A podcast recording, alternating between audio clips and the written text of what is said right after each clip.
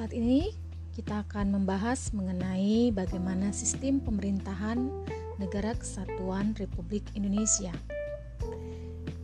Kita tahu bahwa Indonesia berdasarkan pada Undang-Undang Dasar yang dimilikinya yaitu Undang-Undang Dasar Negara Republik Indonesia tahun 1945 atau bisa dikatakan Undang-Undang Dasar ini merupakan konstitusi negara Indonesia. Di dalam konstitusi negara Indonesia ini, Indonesia menganut sistem pemerintahan presidensial. Pada sistem presidensial yang dianut oleh Indonesia, kekuasaan eksekutif dipilih melalui pemilihan umum dan terpisah dari kekuasaan legislatif. Jadi, menurut Undang-Undang Dasar Negara Republik Indonesia tahun 1945, sistem pemerintahan yang dianut oleh Indonesia itu tidak menganut yang namanya sistem pemisahan kekuasaan atau separation of power murni sebagaimana yang diajarkan oleh Montesquieu. Namun, Indonesia menganut sistem pembagian kekuasaan atau yang biasa disebut distribution of power.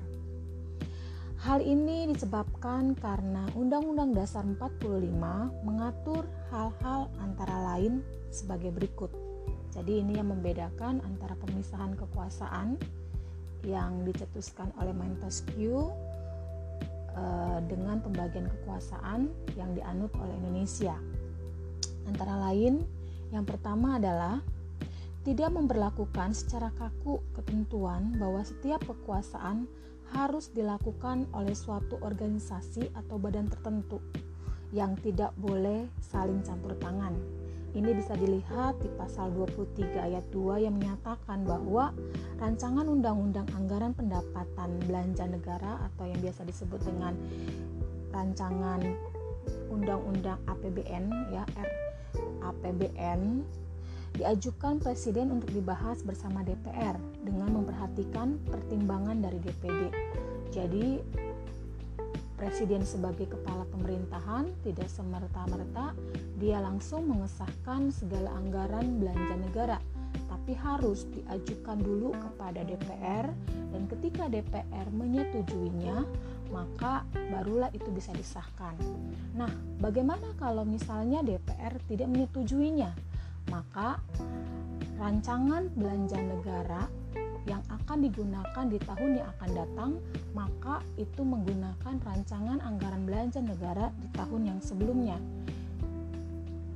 Nah, ini mungkin ada berbagai macam alasan yang dikemukakan oleh wakil rakyat mengapa dia tidak menyetujuinya namun ada konsekuensi-konsekuensi yang harus diterima oleh negara apabila RAPBN tidak disetujui oleh uh, Dewan Perwakilan Rakyat karena ketika presiden mengajukan RAPBN tersebut itu sudah melihat bagaimana inflasi yang akan terjadi di tahun yang akan datang jadi bisa kita bisa lihat apabila rancangan belanja negara ini tidak disetujui oleh DPR, maka yang digunakan adalah rancangan tahun sebelumnya. Itu berarti menunjukkan bahwa tidak ada inflasi di tahun yang akan datang. Ya, kembali lagi kepada DPR. Karena apabila DPR tidak setuju, maka presiden tidak bisa mengesahkan RAPBN yang dia rencanakan. Kemudian yang kedua yang membedakan antara pemisahan dengan pembagian kekuasaan adalah tidak memperlakukan secara kaku sebuah ketentuan bahwa kekuasaan dibagi atas tiga bagian dan tidak membatasi kekuasaan dilakukan oleh tiga bagian saja. Misalnya, selain pasal-pasal yang membahas mengenai presiden, DPR, Mahkamah Agung, terdapat juga pasal-pasal yang membahas mengenai Badan Pemeriksaan Keuangan Negara. Jadi dengan kata lain bahwa ada lembaga lain yang bisa menginterupsi uh, kinerja daripada kekuasaan eksekutif, legislatif baik di pusat maupun di daerah. Contohnya adalah BPK. BPK dia yang memeriksa keuangan yang digunakan oleh penyelenggara pemerintahan baik di pusat maupun di daerah. Ya, Jadi ini yang membedakan antara pemisahan kekuasaan yang dicetuskan oleh Montesquieu. Jadi kita memang benar membagi kekuasaannya menjadi tiga seperti yang dicetuskan oleh uh, Montesquieu, tapi kita tidak menggunakannya secara murni, tapi kita menggunakan yang namanya pembagian kekuasaan. Nah, sekarang kita akan lihat bagaimana sistem pemerintahan dalam Undang-Undang Dasar Negara Republik tahun 1945. Jadi, kalau kita bicara Indonesia berdasarkan dari konstitusi yang digunakan oleh Indonesia, ada beberapa hal-hal pokok bicara mengenai sistem pemerintahan sebelum diamandemen dan sesudah diamandemen. Nah, kita lihat yang sebelumnya ya, karena kita tahu bahwa sistem uh, konstitusi negara Indonesia itu sudah mengalami empat kali perubahan setelah reformasi. Nah, bagaimana yang sebelum dirubah? Yang pertama pokok-pokoknya yaitu bahwa Indonesia itu berdasarkan atas hukum, tidak berdasarkan kekuasaan belaka. Jadi artinya eh, si penyelenggara negara ketika menyelenggarakan negara ini itu bukan karena kekuasaan yang dia gunakan tapi kekuasaan tersebut harus berdasarkan pada hukum yang berlaku di negara itu sehingga penyelenggara negara tidak sewenang-wenang. Oke, perhatikan ini. Yang kedua, pemerintahan berdasarkan atas sistem konstitusi. Jadi ada dasar hukumnya. Yang ketiga, kekuasaan negara tertinggi berada di tangan Majelis Perwakilan Rakyat. Dan kita akan lihat perbedaannya setelah amandemen kayak gimana, bagaimana fungsi dari MPR itu sendiri. Kemudian Presiden adalah penyelenggara pemerintah negara yang tertinggi di bawah MPR. Jadi kalau kita lihat dari sini bahwa Presiden itu adalah menjalankan amanat MPR. Berarti yang memilih presiden itu bukan rakyat sebelum amandemen, akan tetapi adalah MPR. Kemudian yang kelima, presiden tidak bertanggung jawab kepada DPR ya karena memang bukan DPR yang memilih memilih uh, presiden pada saat itu. Uh, oleh sebab itu ya presiden tidak perlu mempertanggungjawabkannya kepada DPR walaupun kalau kita bicara anggota MPR dalamnya ada setengahnya adalah DPR tapi bukan berarti setengah DPR itu menjadi tempat pertanggungjawaban dari presiden di dalam menyelenggarakan negaranya. Kemudian menteri negara ialah membantu presiden dan tidak bertanggung jawab kepada DPR tapi kalau DPR mau tanya-tanya sih boleh-boleh aja ya tapi tidak bertanggung jawab. Kita garis bawahi tidak bertanggung jawab. Kemudian kekuasaan kepala negara tidak tak terbatas. Maksudnya adalah tetap ada yang membatasi yaitu hukum yang berlaku di negara kita. Nah bagaimana uh, sistem pemerintahan penyelenggaraan pemerintahan di Indonesia setelah diamandemen ya atau dirubah Undang-Undang Dasar 45 bukan dirubah isinya ya secara pokok tetap sama tapi ada hal-hal yang masih kurang yang mungkin membuat uh, pemerintahan yang berkuasa itu menjadi multitafsir sehingga bisa digunakan uh, pasal tersebut atau ayat tersebut uh, sesuai dengan keinginan dari kekuasaan si penguasa. Nah, makanya perlu ada perubahan-perubahan yang harus dilakukan seperti penambahan dari uh, isi ayat di beberapa pasal. Oke, apa aja sih yang menjadi pokok-pokoknya setelah di amandemen? Yang pertama, Indonesia masih sama ya berbentuk negara kesatuan ya dengan sistem uh, bentuk negaranya adalah kesatuan dan bentuk pemerintahannya adalah republik. Namun, yang membedakannya adalah mendasarkan pada prinsip otonomi daerah yang luas di mana wilayah negara terbagi dalam beberapa provinsi. E, memangnya sebelumnya apakah tidak otonomi daerah? Kalau kita lihat di dalam konstitusi bicara mengenai pemerintahan daerah itu tetap ada, akan tetapi masih bersifat sentralistik. Akan tetapi setelah dirubah, kita cenderung kepada desentralisasi di mana ya pemerintahan pusat memberikan kepercayaan seluas-luasnya kepada daerah untuk mengembangkan daerahnya masing-masing. Oke, dengan melihat kearifan lokal karena sebelum di amandemen di mana semua ke, semua kepercayaan daerah diserahkan kepada pemerintahan pusat, pemerintahan pusat menjadi sebegitu banyak ke permasalahan yang harus diselesaikan alhasil masalah masalah yang ada di tiap daerah itu pasti berbeda karena uh, rakyatnya juga berbeda, lingkungannya berbeda, letak geografisnya berbeda, masalah mas budayanya juga berbeda, pasti penyelesaian masalah juga berbeda kan. Tapi karena begitu banyak beban pusat, maka semua disamakan dan itu tidak menjawab permasalahan. Dan yang kedua yang pasti eh, sangat lama ya penyelesaian masalah-masalah. Makanya ketika diserahkan kepada daerah, maka diharapkan setiap daerah itu berlomba-lomba meningkatkan, memajukan daerahnya masing-masing. Jadi kita menggunakan yang namanya sistem otonomi daerah. Lalu yang kedua, bentuk pemerintahannya masih sama ya, yaitu republik. Lalu sistem pemerintahannya presidensial tetap sama Lalu kemudian presiden sekaligus sebagai kepala negara dan juga sebagai kepala pemerintahan karena memang kita presidensil akan tetapi yang membedakannya kalau sebelumnya presiden itu dipilih oleh MPR ya setelah di amandemen rakyat yang memilih langsung siapa yang menjadi presidennya dan juga wakil presiden. Kemudian kabinet atau menteri-menteri itu diangkat oleh presiden dan yang otomatis e, menteri ini adalah pembantu presiden. Maka menteri-menteri yang diangkat harusnya adalah untuk membantu kinerja daripada presiden. Oke, walaupun mungkin nanti kita lihat fakta-faktanya e, terkadang menteri-menteri yang diangkat cenderung e, sepertinya ya tidak mengemban amanat presiden yang memilih terkadang ya seperti itu deh ya namun kalau dilihat setelah uh, di tahun saat ini ya uh, kinerja para menteri sudah semakin baik kenapa karena pengawasan rakyat sangat tinggi terhadap kinerja para menteri ini kalau kalian lihat di era digital saat ini medsos di mana rakyat bisa langsung mengkritik, memberikan masukan, memberikan saran, e, memberitahu segala sesuatu. Ini membuat e, kinerja daripada pemerintah tidak bisa sewenang-wenang seperti mungkin dilihat sebelumnya. Jadi karena kita saat ini lebih era terbuka ya. Ya ada sisi positif dan ada sisi negatifnya sepertinya. Kemudian Parlemen terdiri atas dua bagian yaitu bicameral yaitu di dalamnya ada DPR dan ada juga DPD. Oke, berbeda ya dengan yang sebelumnya. Kalau di dalam MPR itu ada eh, DPR dan juga ada utusan golongan. Nah, di setelah amandemen tidak ada utusan golongan. Kemudian kekuasaan yudikatif dijalankan oleh Mahkamah Agung dan Badan Peradilan di bawahnya.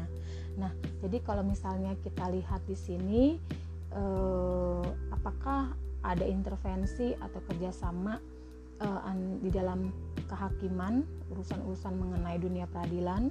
Nah, kalau menurut konstitusi ada.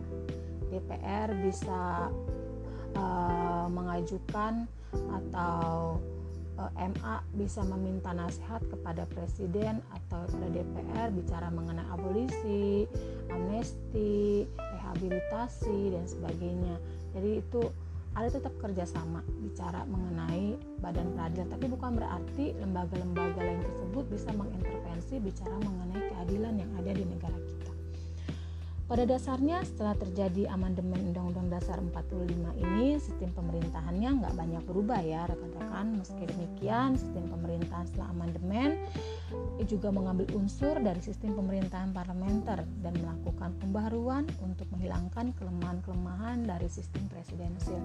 Jadi uh, ya hal yang baik ya kita bisa mengevaluasi hal-hal yang kurang di dalam sistem pemerintahan presidensial dan melihat ada hal-hal yang baik dalam sistem parla pemerintahan parlementer. Nah, di sinilah kita memasukkan beberapa cita rasa dari parlementer di dalam sistem pemerintahan presidensial yang kita anut. Apa aja sih variasinya? Nah, ini ada empat variasi yang uh, bisa kita lihat ya dari perubahan-perubahan yang terjadi di amandemen. Yang pertama adalah presiden sewaktu-waktu bisa diberhentikan oleh MPR atas usul dan pertimbangan dari DPR. E, eh, itu bisa dilihat di pasal 7A di dalam Undang-Undang Dasar 45 ya. Maka DPR tetap memiliki kekuasaan untuk mengawasi presiden meskipun tidak secara langsung. Nah, bicara mengenai e, eh, DPR bisa memberikan saran kepada MPR untuk menurunkan presiden uh, bukan berarti DPR bisa sewenang-wenang ya.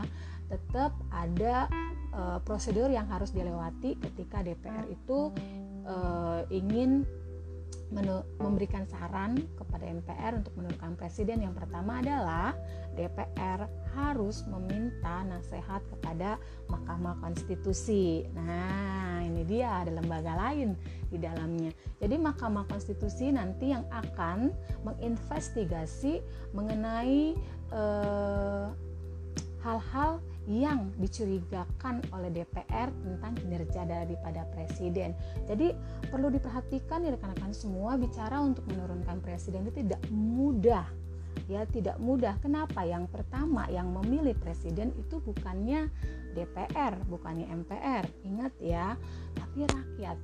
Jadi baik di pusat maupun di daerah nih bicara eksekutif itu DPR sebagai wakil rakyat walaupun ya tetap tidak bisa menurunkan ya se sewenang-wenang. Nah, jadi Mahkamah Konstitusi di sini bekerja melihat ada hal-hal yang mungkin dilakukan oleh presiden apa saja sih yang bisa membuat presiden itu mungkin diturunkan. Yang pertama adalah apabila presiden tersebut e, melanggar konstitusi. Ya, karena kita tahu bahwa penyelenggara negara harus berdasarkan kepada konstitusi. Lalu yang kedua, dia melakukan e, pelanggaran tindak pidana. Nah, hal-hal ini yang bisa menjadi dasar di dalam e, melakukan e, investigasi Mahkamah Konstitusi terhadap usul dari DPR tersebut mengenai kinerja presiden. Nah, kalau misalnya Mahkamah Konstitusi sudah menemukan ada hal-hal yang memang terjadi yang dilakukan oleh presiden, mah di situ baru uh, presiden uh, eh, DPR bisa Mahkamah Konstitusi bisa melakukan yang namanya memberikan usul kepada DPR untuk oke okay, ini presiden bisa diturunin karena dia sudah melanggar konstitusi apa saja yang dilanggar lalu kemudian mungkin melanggar tindak pidana sebagainya. Jadi begitu ya jadi nggak sembarangan ya rekan-rekan. Kemudian presiden dalam mengangkat pejabat negara itu perlu pertimbangan dan atau persetujuan DPR kita bisa lihat di pasal 13 di pasal 24B ayat 3 jadi kalau presiden ingin mengangkat kepala-kepala lembaga seperti kayak Kapolri, KPK, eh, terus kemudian panglima tertinggi. Itu hmm, presiden nggak bisa ngangkat langsung. Tapi nama-nama tersebut harus diajukan dulu kepada DPR lalu DPR itu eh, menguji calon-calon kepala-kepala eh, lembaga-lembaga tersebut. Nah kalau apa yang diajukan oleh presiden itu uh, disetujui ya bisa diangkat. Nah, biasanya DPR juga memberikan uh, calon juga sih biasanya. Nah, tapi kalau kadang-kadang juga enggak sih, tergantung lah apakah lembaga apakah presiden apa DPR uh, memiliki calon atau enggak. Nah, nanti barulah kalau misalnya DPR menyetujui maka presiden bisa uh, mengangkat mengesahkan dia sebagai kepala e, lembaga tersebut. Lalu kemudian yang ketiga, presiden dalam mengeluarkan kebijakan tertentu itu perlu pertimbangan atau persetujuan DPR misalnya di pasal 22. Jadi e, bicara mengenai pembuatan undang-undang itu memang adalah hak e, dari DPR akan tetapi presiden itu sebagai kepala pemerintahan dia juga punya hak untuk mengajukan rancangan undang-undang. Jadi e, di sinilah uh, kenapa presiden itu harus harus dibatasi oleh konstitusi? Karena kenapa? Karena presiden itu memiliki dua kekuasaan yaitu sebagai kepala negara dan kepala pemerintahan. Di dalam kepala pemerintahan presiden itu memiliki hak di dalam sebagai lembaga eksekutif udah pasti ya. Lalu lembaga legislatif dan yudikatif. Jadi benar-benar besar banget kekuasaan yang dimiliki oleh presiden kalau misalnya kita bicara sistem pemerintahan presidensial ini. Nah makanya untuk e, menghindari kekuasaan presiden yang sangat-sangat besar tersebut agar tidak dilakukan secara sewenang-wenang maka e, karena ini melihat sejarah sih ya maka perlu ada perubahan di pasal ini makanya perlu e, yang namanya e, pendapat dari DPR di dalam ketika presiden membuat sebuah kebijakan-kebijakan yang sifatnya strategis atau uh, yang sifatnya memang ini mem mempengaruhi kehidupan orang banyak. Kemudian bicara mengenai parlemen atau DPR ini diberikan juga kekuasaan lebih besar di dalam hal membentuk undang-undang ya karena memang dia legislatif ya di pasal 20 kita bisa lihat dan memiliki fungsi yang lebih besar lagi dalam hal anggaran. Nah, itu tadi yang tadi saya sudah singgung bicara mengenai rancangan undang-undang belanja undang-undang belanja negara. Nah, jadi bisa kita lihat ada perubahan-perubahan baru di dalam sistem pemerintahan Indonesia. Hal itu dilakukan demi memperbaiki sistem presidensil yang pernah ada sebelumnya yang mungkin akhirnya uh, reformasi itu bergulir, maka perubahan baru tersebut antara lain yang pertama presiden dipilih secara langsung ya.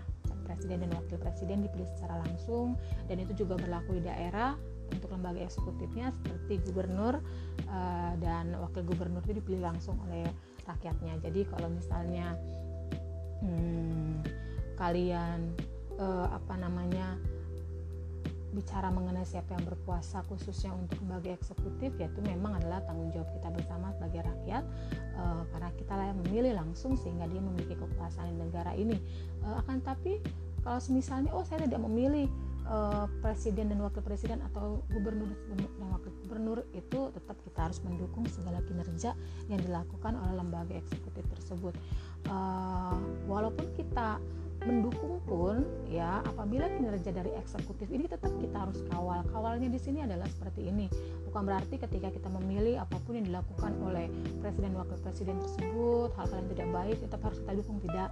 Akan tapi bicara mengenai mengawal ya artinya adalah ketika dia melakukan hal-hal yang mungkin sepertinya kurang atau tidak sesuai dengan konstitusi sebagai pemilih yang bertanggung jawab adalah kita tetap memberikan uh, masukan, kritikan, saran dan sebagainya. Nah itu adalah salah satu hal yang mendukung. Uh, ketika kita mengkritik pun jangan lupa kita harus memberikan hal-hal yang membangunnya juga misalnya saran, masukan dan sebagainya. Nah, ini yang perlu kita terus uh, gali di dalam dunia pendidikan ya karena Eh, kelemahan hal-hal yang menjadi kelemahan di dalam dunia pendidikan kita adalah memberikan uh, masukan saran hal yang mendukung uh, mungkin bisa kita lihat sangat-sangat sangat kurang seperti itu. Nah, makanya di kurikulum 2013 ini saya melihat uh, lebih mengedepankan mengenai high order thinking ya. Jadi di mana para siswa itu e, diminta untuk menganalisa dalam segala sesuatu. Nah, ini hal yang baik. Kemudian yang kedua, sistem pemerintahan kita di Kemeral, karena dalam lembaganya ada dua ya lembaga. Kemudian mekanisme check and balance, pembagian kekuasaan, dan yang keempat pemberian kekuasaan lebih besar kepada parlemen untuk melakukan fungsi legislasi, pengawasan, dan anggaran. Nah, ini yang membedakan antara uh, pemerintahan sebelum Undang-Undang Dasar 45 itu diamandemen dan yang sesudah diamandemen. Nah, kalau kita bicara mengenai baiknya yang mana e, kembali lagi kepada penyelenggara negaranya sendiri sih. Tapi ya kalau saya lihat e, untuk sekarang ini konstitusinya sudah paket lengkap lah ya tergantung kepada penyelenggara negaranya kalau memang dia menjalankan konstitusi secara murni dan konsekuen kalau menurut saya Indonesia pasti akan maju nah bicara pembagian kekuasaan antar lembaga di Indonesia itu ada yang sifatnya vertikal dan ada yang sifatnya yang horizontal. Kalau kita bicara sifatnya vertikal, vertikal itu e, bicara dari atas ke bawah ya. Itu berarti kita bicara mengenai e, pelimpahan kekuasaan wewenang dari pusat kepada daerah. Nah, ini kita bicara mengenai desentralisasi otonomi daerah. Kemudian kalau yang sifatnya horizontal ini bicara mengenai bagaimana kerjasama antar lembaga negara dari eksekutif, legislatif, yudikatif. Nah, setelah di amandemen itu sebenarnya ada enam lembaga, bukan hanya tiga lembaga, yaitu eksekutif dipegang oleh presiden, legislatif oleh DPR, yudikatif oleh MA, MK, KY, komisi yudisial. Lalu kemudian ada eksaminatif itu dipegang oleh lembaga eh, pemeriksa keuangan yaitu BPK, moneter Bank Indonesia, lalu yang kan sebenarnya yang uh, yang MPR di mana sih kedudukannya? Nah ini bicara mengenai kedudukan ya. Setelah di amandemen tuh nggak ada yang namanya lembaga tertinggi ataupun lembaga yang tinggi doang. Yang ada hanya lembaga tinggi negara. Jadi MPR itu masuknya kepada lembaga konstitutif. Kenapa? Karena bicara fungsinya nanti di pertemuan selanjutnya ya, podcast selanjutnya akan jelaskan uh, mengenai konstitutif ini. Kalau begitu yang tertinggi apa? Yang tertinggi adalah Undang-Undang Dasar 45. Jadi semua lembaga negara baik pusat maupun daerah itu pedomannya adalah konstitusi negara kita yaitu Undang-Undang Dasar 45 apabila penyelenggara negara itu melaksanakan Undang-Undang Dasar 45 dengan sangat baik ya rohnya adalah Undang-Undang Dasar 45 jiwanya dan Undang-Undang Dasar 45 sudah pasti nilai-nilai uh, yang tercantum di dalam Pancasila itu benar-benar bisa dilaksanakan dan terwujud dalam kehidupan sehari-hari dalam berbangsa dan bernegara. Nah, bagaimana? Sudah mengerti ya?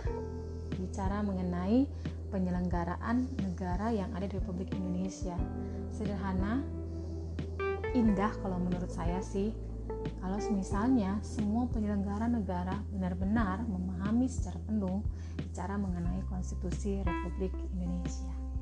Karena saya yakin banget ketika uh, pendiri bangsa kita membuat konstitusi ini itu dia sudah melihat visi ke depan. Nah inilah bedanya seorang pemimpin ya kalau kita bicara pemimpin dia tidak hanya melihat setahun dua tahun lima tahun ke depan, tapi dia melihat bagaimana Indonesia eh, ke depannya kayak gimana kelemahan kelebihan yang dimiliki oleh bangsa kita itu kayak gimana. Nah ini yang eh, dipikirkan yang harus ada di dalam sebuah konstitusi negara. Oke sampai di sini eh, pembelajaran kita. Semoga ini bisa bermanfaat ya.